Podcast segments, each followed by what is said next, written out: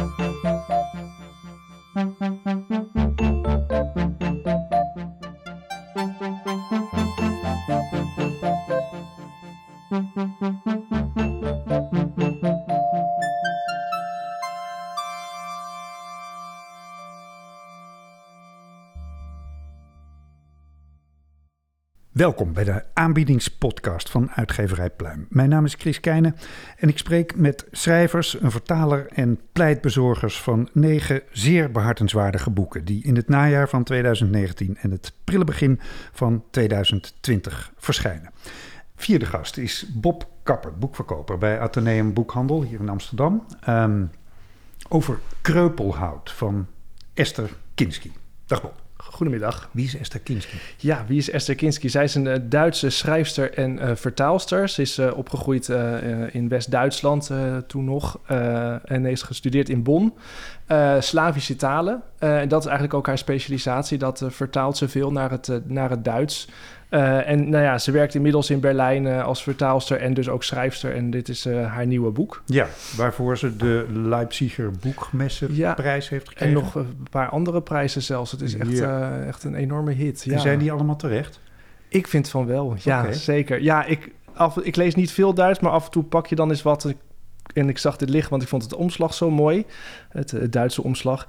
En ik was eigenlijk verkocht. Het gaat over een, over een vrouw die uh, naamloos blijft uh, in het boek. Zij is uh, haar man verloren.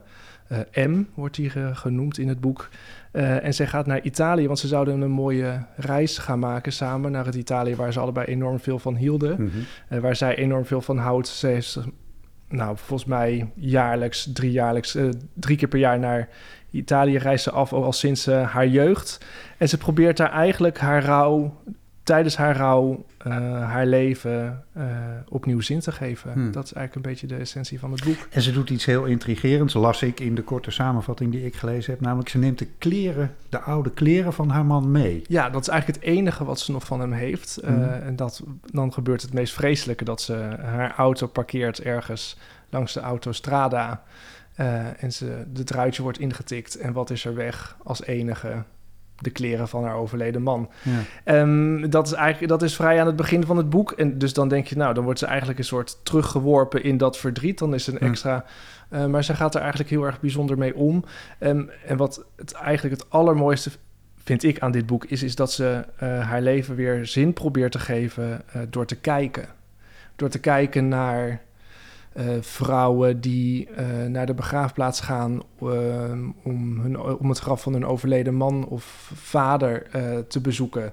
Of dat de kleuren van de bladeren aan bomen veranderen. Of gewoon het, ze, woont op, ze gaat op een berg wonen in Italië, gewoon om naar het dorp te kijken. En um, dan, zie, dan begint ze langzaam weer de schoonheid van het leven te zien. En kan ze het, het, verdriet van het gemis een plekje geven. En dat vond ik erg indrukwekkend. Ja, kijken is één, maar dan moet je het ook nog op kunnen schrijven. Ja, ja en uh, dat is wat zij waant. Ik heb nooit iets anders van haar gelezen, maar het is zo bijzonder uh, knap wat ze doet. Je, als je je ogen dicht, als je het zou kunnen, met je ogen dicht zou kunnen lezen, dan kan ik me helemaal voorstellen dat je precies kunt zien wat zij beschrijft. Ze doet het echt tot in de details.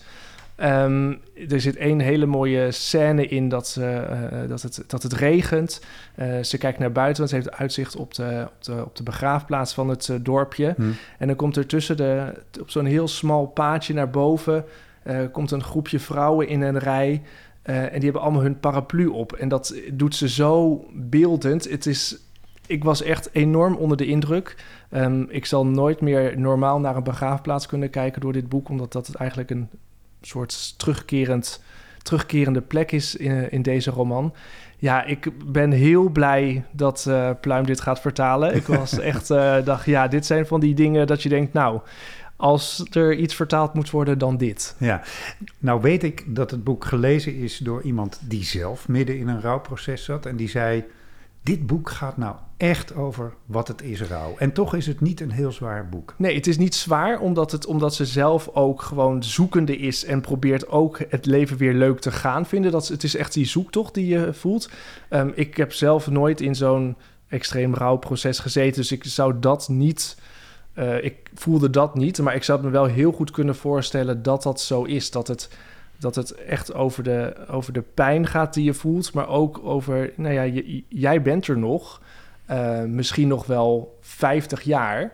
Uh, en dan moet je het leven wel weer leuk maken. En uh, Kinski laat dat zien door al die kleine dingen die om je heen gebeuren. Als je dat maar ziet en waardeert, dat het leven ook nog daarna heel erg mooi kan zijn. En met dat verdriet in je, dat dat een plekje krijgt. En dat, ja, dat, dat het dan ook nog wel gewoon goed te doen is. Ja. Bob Kappen, dank je zeer voor jouw pleidooi voor Kreupelhout van Esther Kinski. En dat verschijnt op 12 november.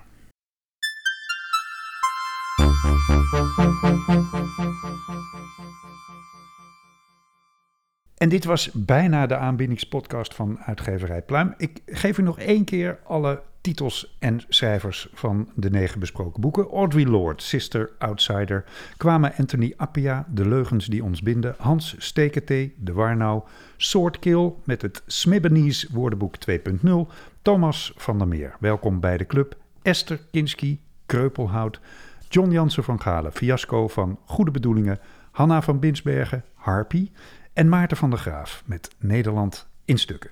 Dank u wel voor het luisteren. Thank you.